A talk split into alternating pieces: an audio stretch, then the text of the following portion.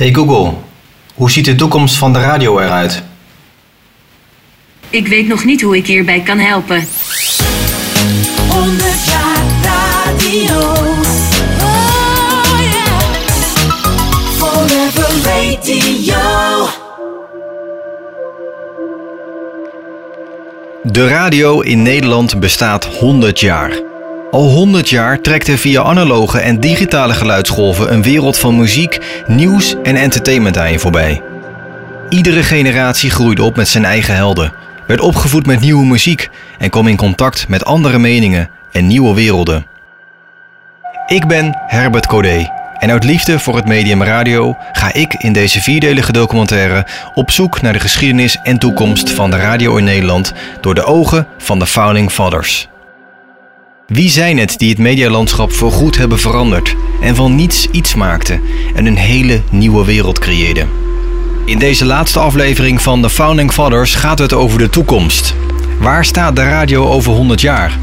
En heeft de radio nog steeds zo'nzelfde impact als dat het nu heeft? En wat is de rol van podcast over 100 jaar? En luisteren jongeren dan nog steeds naar de radio? In deze aflevering maken we een tijdreis langs de opkomst van het internet. Met niemand minder dan Griet Titulaar over zijn wonderenwereld waarin hij mooie voorspellingen deed. Adam Curry komt aan bod over de opkomst van podcasting. En met verschillende gasten blik ik vooruit en luisteren we naar hun voorspellingen over de radio van de toekomst. Dit doe ik onder andere met mediaondernemer Erik de Zwart, Ruud Hendricks, presentatrice van NPO Radio 1 Misha Blok en Duncan Stutterheim. We gaan een tijdreis maken naar de toekomst. Welkom bij het laatste deel van de Founding Fathers serie.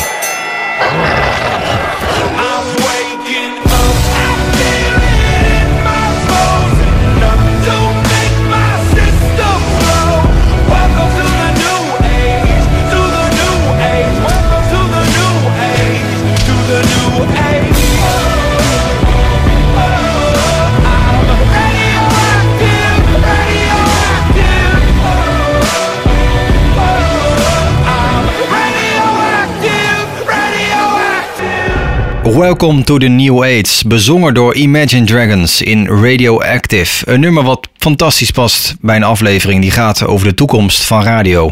De radio over 100 jaar. Ik weet het nog goed. Er kwam een magisch apparaat het huis in. Het was geen radio, want die was er al, de wekkerradio, de stereotoren. Maar er kwam een apparaat in die je opdrachten kon geven. Je kon een floppy disk instoppen, het had een groen beeldscherm, je kon verschillende spelletjes spelen, je kon dingen uitprinten en dat was het. Een paar jaar later, ik denk dat het zo eind jaren 90 was, toen eh, werd het mogelijk om via een kleurencomputer met kleurenscherm, Windows 3.11, eh, om, om een internetverbinding op te starten. En ik weet het nog goed dat ik een kabel trok, een telefoonverbindingskabel van de slaapkamer van mijn ouders naar mijn eigen kamer. Daardoor was de telefoonlijn ontzettend lang bezet, maar daardoor kon ik op het internet. En ik kon via LimeWire kon ik bepaalde mp3'tjes downloaden. Dat duurde super lang, maar had ik dus nieuwe muziek die ik kon afspelen. Maar wat ik ook kon doen was websites bekijken van radiostations. 538 had een website, de publieke omroep had een radiowebsite. En daar kon je plaatjes zien van de discjockeys, de programmering. de kon, je kon wat nieuwsberichtjes lezen.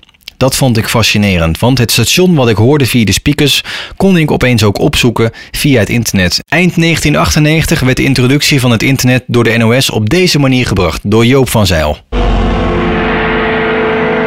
We zijn bijna aan het einde van het jaaroverzicht van het NOS-journaal. Als u het nog een keer wilt zien, dan kan dat op internet. Zet uw PC aan, start uw webbrowser. Als u online bent met uw provider, typt u http dubbele punt, slash slash www.omroep.nl slash nos. Hebt u dat? U klikt de muis op de site van het jaaroverzicht waar u kunt netsurfen naar alle onderwerpen. Als dit geheimtaal voor u is, dan bent u waarschijnlijk een digibeet. En dat is iemand die niet meekomt op de digitale snelweg. Nu al hebben meer mensen een PC dan een magnetron. En steeds meer mensen weten wel de weg in cyberspace. En of we het leuk vinden of niet, dit jaar blijkt dat internet een blijvertje is. Als speeltje, maar meer en meer ook als serieuze en onuitputtelijke bron van informatie. En dat zal grote gevolgen hebben voor de maatschappij, voor de economie, voor de communicatie tussen wereldburgers. Ja, fascinerend om te horen. Alle stapjes die je moest doorlopen. En dan was er nog iets anders. Een programma, een meestelijk iemand, een voorspeller van de toekomst. Giet Titelaar had een vooruitziende blik. En veel van zijn voorspellingen zijn allemaal uitgekomen. Van de telefoon tot het internet, van interactie die er plaats kon vinden. In zijn programma De Wonderenwereld ging Giet Titelaar altijd op zoek naar de vernieuwing. Hij ging naar beurzen, hij sprak met wetenschappers en hij liet ook vooral zien wat er mogelijk was met de nieuwste technieken. Dit is een fragment uit zijn programma De Wonderenwereld, waarin Giet Titelaar eigenlijk de voorloper van de smart speaker laat zien. Het interacteren met een computer. Welkom bij Wondere Wereld. Wondere Wereld weer op avond. En dat betekent minder computer in het programma en meer van die gekke grappen die u van vorig jaar van mij gewend was. Het komende half uur heb ik te gekke dingen waar u in ieder geval een heleboel feestjes, eh, aardige voorbeelden kunt geven van wat er in deze wereld zoal te koop is. Kalender.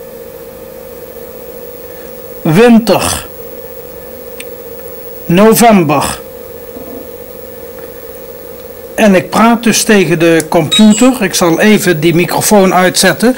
Deze microfoon die is verbonden met een computer. En alle commando's die ik geef worden door die computer verwerkt. En ik heb hem dus de kalender hier van de maand november op het scherm laten zetten.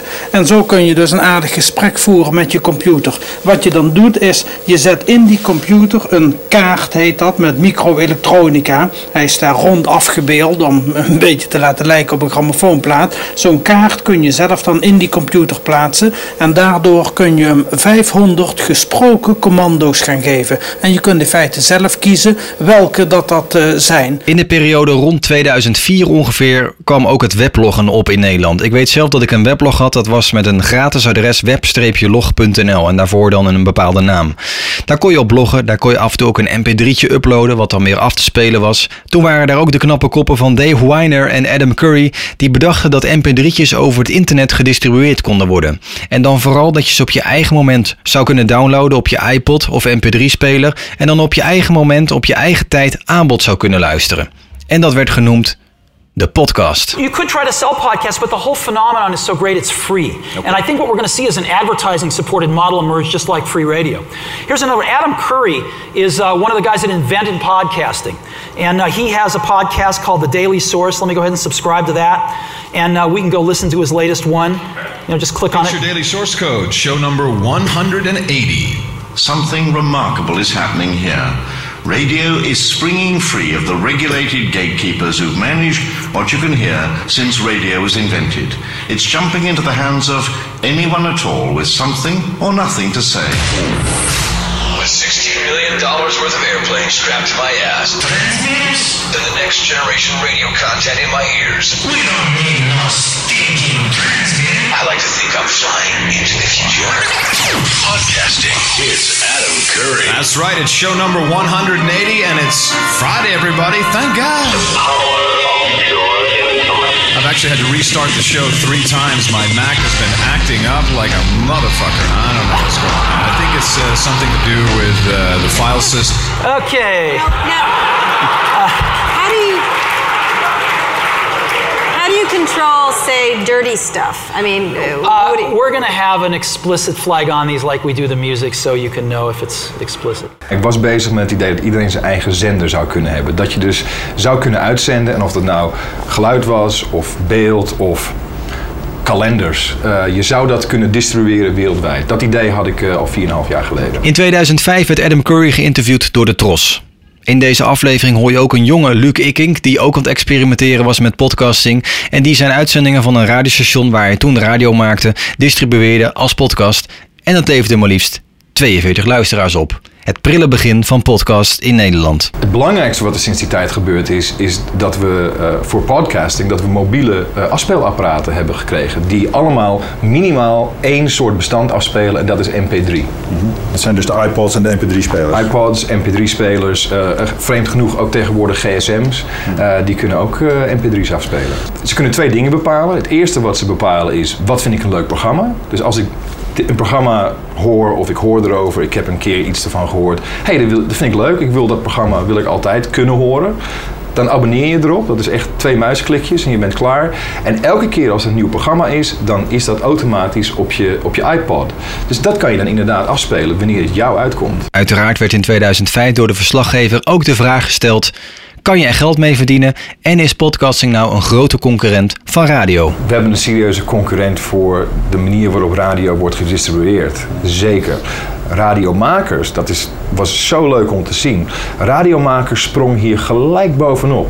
Want iedere radiomaker weet en doet waarschijnlijk dat hij thuis programma's kan maken. Je hebt niet veel nodig, zeker met een computer. Dus voor de creativiteit en voor ehm, de inventiviteit en eh, de zakelijkheid van radio. Dat heeft gewoon een, een nieuwe manier van eh, het bereiken van het publiek. Een eh, radiozender eh, heeft, eh, heeft een format wat betreft platen en eh, daar moet je je aan houden. Je hebt, je hebt bazen boven je staan die, eh, die eh, toch enigszins vertellen hoe het wel moet. En eh, wij mogen gewoon doen wat we, zelf, eh, wat we zelf willen. Hoe groot gaat het worden? Ja, eh, net zo groot als dat het kan. Eh, dat, ik verwacht dat we als we volgend jaar praten, dat we het over 5 miljoen hebben eh, in onze run-off network. Ja, ja, dat geloof ik zeker. Zeker. Ja, het zou leuk zijn als er heel veel mensen gaan luisteren. Als, we, als wij op een gegeven moment gaan kijken hoeveel mensen er naar onze podcast hebben geluisterd. En er zijn, er, er zijn in één keer duizend mensen die dat, die dat ding hebben gedownload. Dan staan wij wel op de bank te springen, ja. Maar het is, ja, het is ja, in zoverre wel een droom. Tuurlijk, het is leuk. Wat is een geldmachine? Ik, eh, ik ben bezig, Eh, er komt geld binnen, dat is prettig. Eh, ik werk met hele leuke mensen die ik eigenlijk alleen maar ken via eh, contacten via het internet. Eh, er is heel veel enthousiasme, veel belangrijker dan, dan het geldaspect. Niet onbelangrijk, want daar meet ik wel vaak mijn succes aan. Het internet evolueert zich voort en wordt steeds socialer, met in 2004 de oprichting van Facebook. In Nederland hadden we Hives. In 2005 kwam YouTube, de populaire videowebsite. Het aanbod van podcast rond 2006 bestond uit muziekpodcasts, maar ook een populaire podcast van de komiek Ricky Gervais. Dit was een van de populairste podcasts rond dat moment die in 2006 miljoenen downloads behaalde. De podcast werd in de jaren daarna wel gebruikt, maar was alleen voor early adapters en tech wizards die dat leuk vonden en wisten hoe ze dit moesten gebruiken. In 2008 werd de Zweedse muziekstreamingdienst Spotify gelanceerd, een nieuwe evolutie van het internet. Want hierop was het mogelijk om muziek te streamen op momenten dat jij het wilde. Vanaf 2014 gaat het harder met de podcast. Het aanbod neemt toe en het wordt steeds makkelijker om het te beluisteren via je smartphone. Met de opkomst van het internet is er ook een radioprogramma wat wekelijks te horen is op heel veel verschillende radiostations geheten This American Life. En vanuit dit programma wordt in 2014 een spin-off gelanceerd genaamd Serial. Het succes van Serial blijft niet onopgemerkt en ook in Nederland beginnen steeds meer podcastliefhebbers zich te interesseren in het nieuwe aanbod wat vooral vanuit Amerika wordt geïnitieerd. De markt groeit en er komt steeds meer aanbod, waaronder een dagelijkse nieuwspodcast van de New York Times geheten The Daily. Ook in Nederland is het jaar 2017 een jaar waarin dagelijkse podcasts het licht zien. Nu.nl, BNR, NPO Radio 1 hebben allemaal dagelijkse podcasts. Het internet biedt radiostations een nieuwe manier van interactie voeren via appjes, maar ook bijvoorbeeld om te kijken in de studio met visual radio. Als je kijkt naar het huidige landschap, dan valt op dat zenders als Radio 10 en NPO Radio 5 zeer succesvol zijn.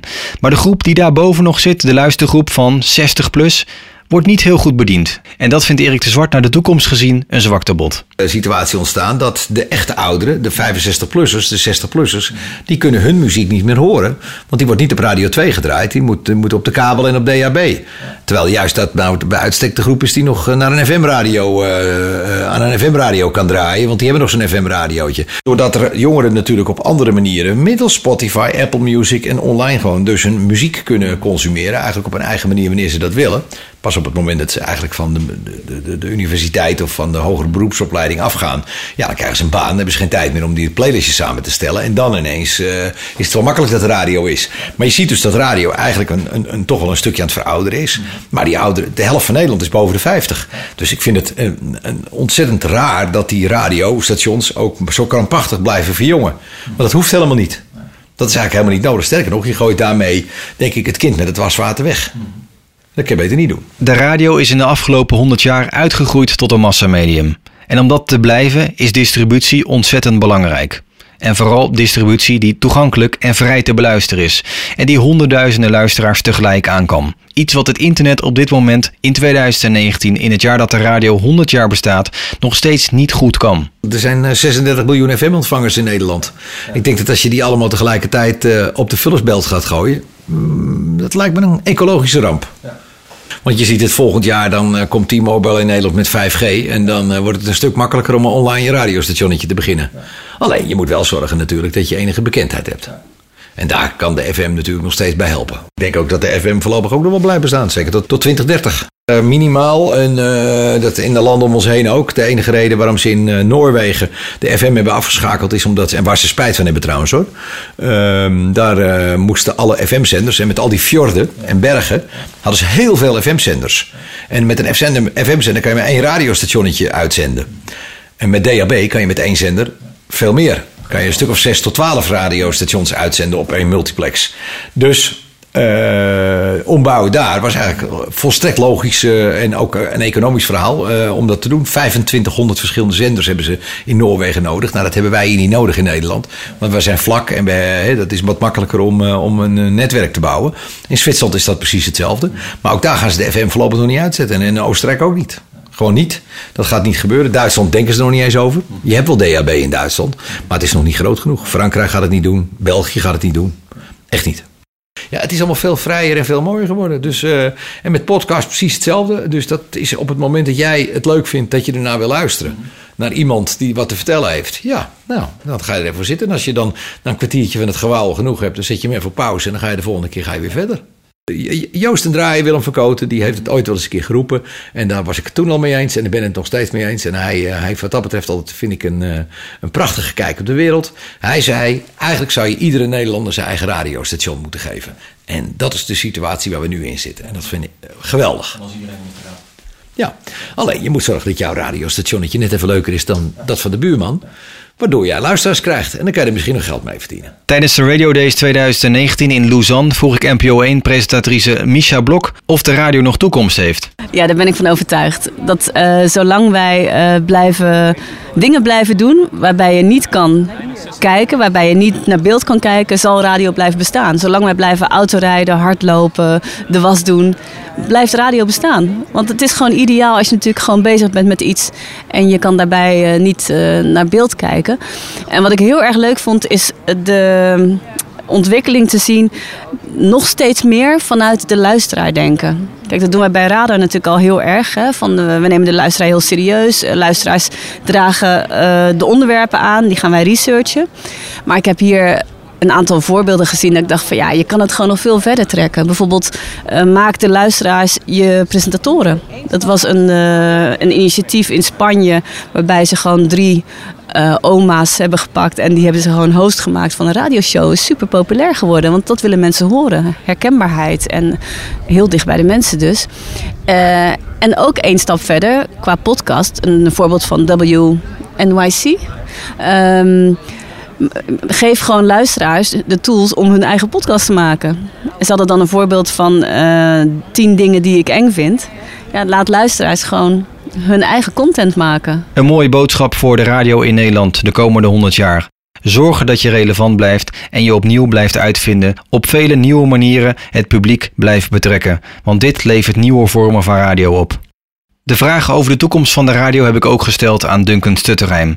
En hij gelooft vooral dat de radio zich meer zal gaan segmenteren en nog meer niches zal gaan bedienen in de toekomst. Ik blijf geloven wel eh, dat radio belangrijk is. En ik denk dat eh, het iets meer gesegmenteerd gaat worden in kleinere eh, groepen.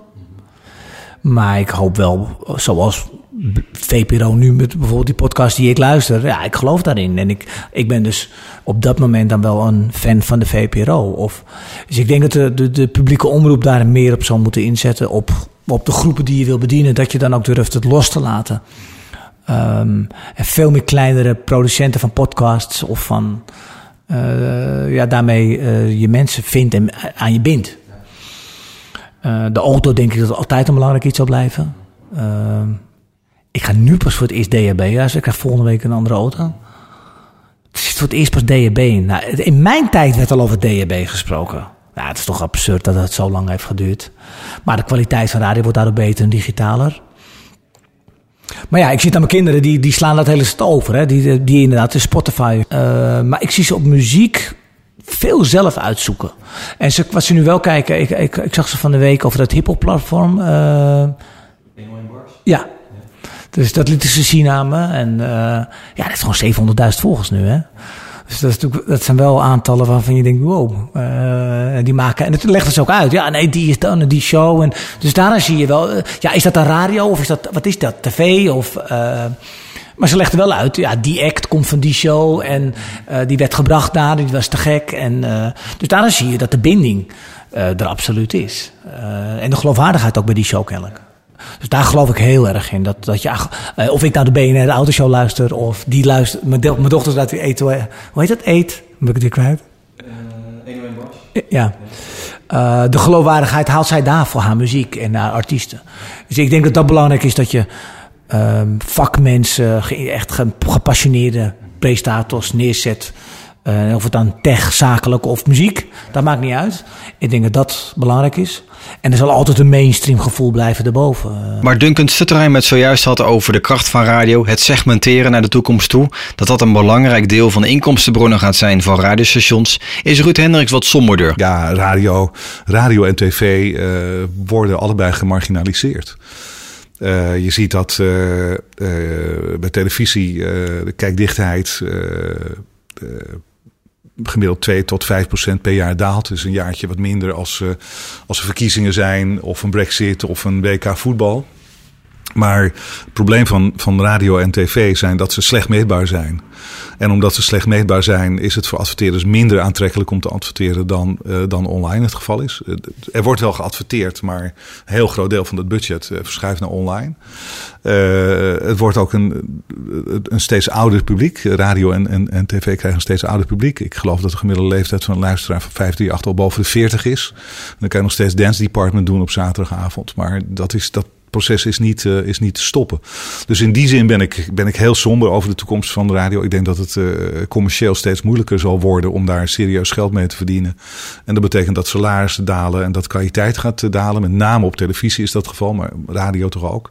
Radio moet dan ook nog eens concurreren met YouTube, Spotify, Apple Music en noem, noem alle andere on-demand diensten, diensten maar op. Eh, Nogmaals, ik heb heel weinig talent eh, gehoord. En ik heb ook het gevoel dat de aansluiting echt met een heel groot deel van de doelgroep aan het verdwijnen is. Radio in Nederland is vooral voor de massa. Weet je, eh, al die zenders, ze zijn nu allemaal van John, John de Mol, Sky Radio 538, eh, Radio 10. Het richt zich allemaal op een groot en breed publiek.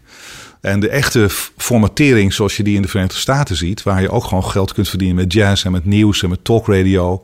Wat ik een heel groot gemis vind dat we dat niet goed voor elkaar hebben gekregen, nog in Nederland. Eh, ja, dat, dat mis ik in Nederland. Dus ik ben niet. eh, Goeie niches eigenlijk. Ja, goede niches zijn er eigenlijk niet. Eh, dus ik, eh, ik ben, niet, ben niet optimistisch over de toekomst van de radio. Ja, ik ben een groot fan van podcasts. Ik eh, vind het ook heel leuk om hier met jou te praten, want ik had de radiopodcast al, eh, al ontdekt. Vind ik erg goed trouwens. Niet omdat je hier toevallig nu tegenover me zit. Maar ik luister heel graag naar Masters of Scale met Reed Hoffman. Dat is een podcast over het bouwen van bedrijven. Helemaal in mijn huidige vakgebied. De oprichter van LinkedIn, ja. Maar dat is, vind ik, de best vormgegeven eh, podcast die ik ken. Het is zo fantastische productiekwaliteit. er worden zulke mooie dingen gedaan. Als je dat hoort, denk je van... waarom hoor ik dit niet op de radio? Ik luister eh, graag naar de technoloog... maar dat komt gewoon puur vanwege de inhoud. Eh, hoewel ik dat een podcast vind... hij is eigenlijk iets te lang. Er wordt iets te veel letterlijk geluld. Eh, ik luister elke dag naar de Daily van de New York Times... met eh, Michael Barbaro. Vind ik heel erg goed. Eh, de journalist zit ook nog wel in mij. Ja, dat is wel het belangrijkste. En, en Tech Meme Ride Home, die is ook wel leuk. Dat is een podcast van een kwartiertje elke dag met het, het actuele eh technieuws van die, eh, van die dag. Ja. Oké, helemaal somber is Ruud niet over de toekomst van radio in Nederland. Want in podcast ziet hij zeker nieuwe kansen. Ik vroeg me nog af, wat kan de radio leren van de start-up wereld? Nou, wat we bij startups doen is dat wij testen soms producten eh, nog voor ze gebouwd eh, zijn. Eh, vroeger was het zo dat een groot bedrijf eh, wilde een nieuw scheerapparaat op de markt brengen.